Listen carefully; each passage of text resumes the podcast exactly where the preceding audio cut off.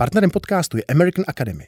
Síť mezinárodních základních a středních škol v Praze, Brně a Bratislavě otevře vašim dětem dveře do celého světa. Projektová výuka, zahraniční učitelé a studium pouze v angličtině. Více na americanacademy.com.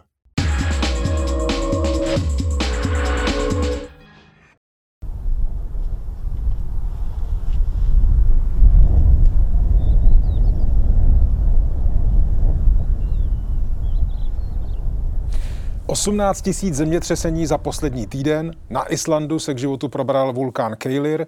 Co to znamená pro Evropu a hrozí Islandianům a možná i jiným obyvatelům této planety vážné nebezpečí? Ředitel Geofyzikálního ústavu Akademie věd Aleš Špičák. Vítejte v DVTV. Dobrý den. Dobrý den. Eh, když eh, vám ukážu tři takové, eh, tohle byla na začátku Etna, ale no. když vám ukážu tři vlastně současná taková jako nejvýraznější místa, tak uvidíte zleva indonéskou sopku, pak Etnu a tohle to je vlastně epicentrum eh, toho všeho, co se děje teď na eh, Islandu jižně od Reykjavíku. Tak předpokládám, že si to vlastně jako seismolog musíte užívat. No, eh, tak jsou to všechno místa, která jsou touto aktivitou charakteristická, čili vlastně není to nic mimořádného a žádná naštěstí z těch aktivit, které jsou ty dvě teda velice spektakulární vizuálně a ta třetí na Islandu je jistě nepříjemná tam pro místní obyvatele, protože ta frekvence pocítěných zemětřesení je obrovská a pro nás je to zajímavé samozřejmě velice, protože to vidíme v podstatě okamžitě na, na záznamech, tak nicméně dobré pro všechny tři ty události je to, že zatím nikoho výrazně neohrozili a nepoškodili. O těch prvních dvou, to znamená o indonéské sobce eh, Mount Sinabung a potom o italské etně, říkáte, že to jako je spektakulární. Ty záběry jsou opravdu jako neuvěřitelné, úžasné. Ta indonéská chrlí ano. popel do pěti kilometrů, možná ještě výš. Ale přesto říkáte, že to je normální.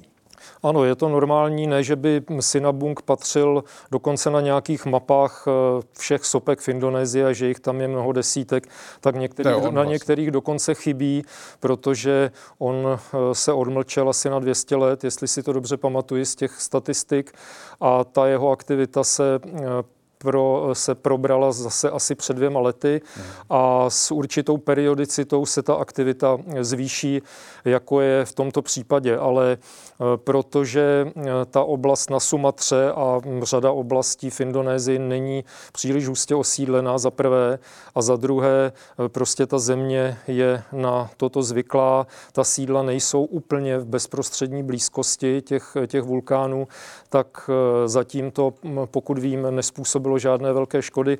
Problém samozřejmě způsobuje prach. E, to je hmm. i případ etny, kdy to všichni mají možnost sledovat ve sdělovacích prostředcích, jak e, musí neúnavně všichni to neustále odklízet a to je samozřejmě strašný.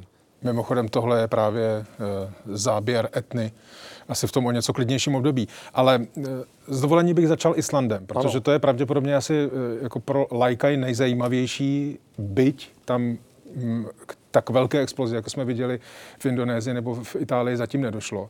Když se podíváme na obrázek, který nám ukazuje záběr z interferometrického radaru uh-huh. na Reykjavícký poloostrov, tak tam uvidíme uh, vlastně, to není, to není ten záběr z radaru, ale tak, to je on.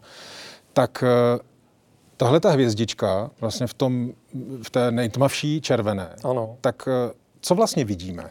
No tak vidíme tady obrys toho poloostrova Reykjanes na, již, na, jihu, na jeho e, západě Islandu. Tady je měřítko, mm-hmm. 10 kilometrů, čili je to relativně podrobná mapa.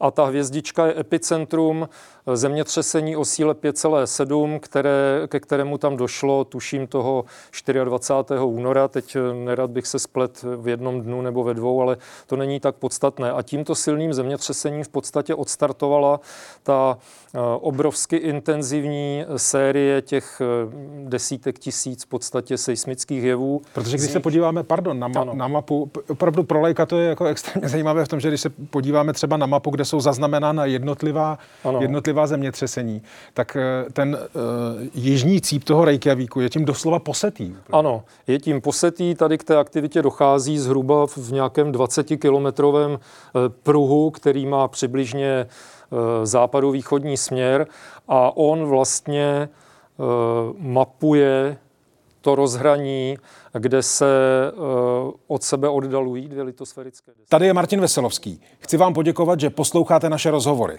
Jestli chcete slyšet celý podcast, najdete ho na webu dvtv.cz. Tam nás můžete i podpořit a stát se členy DVTV Extra.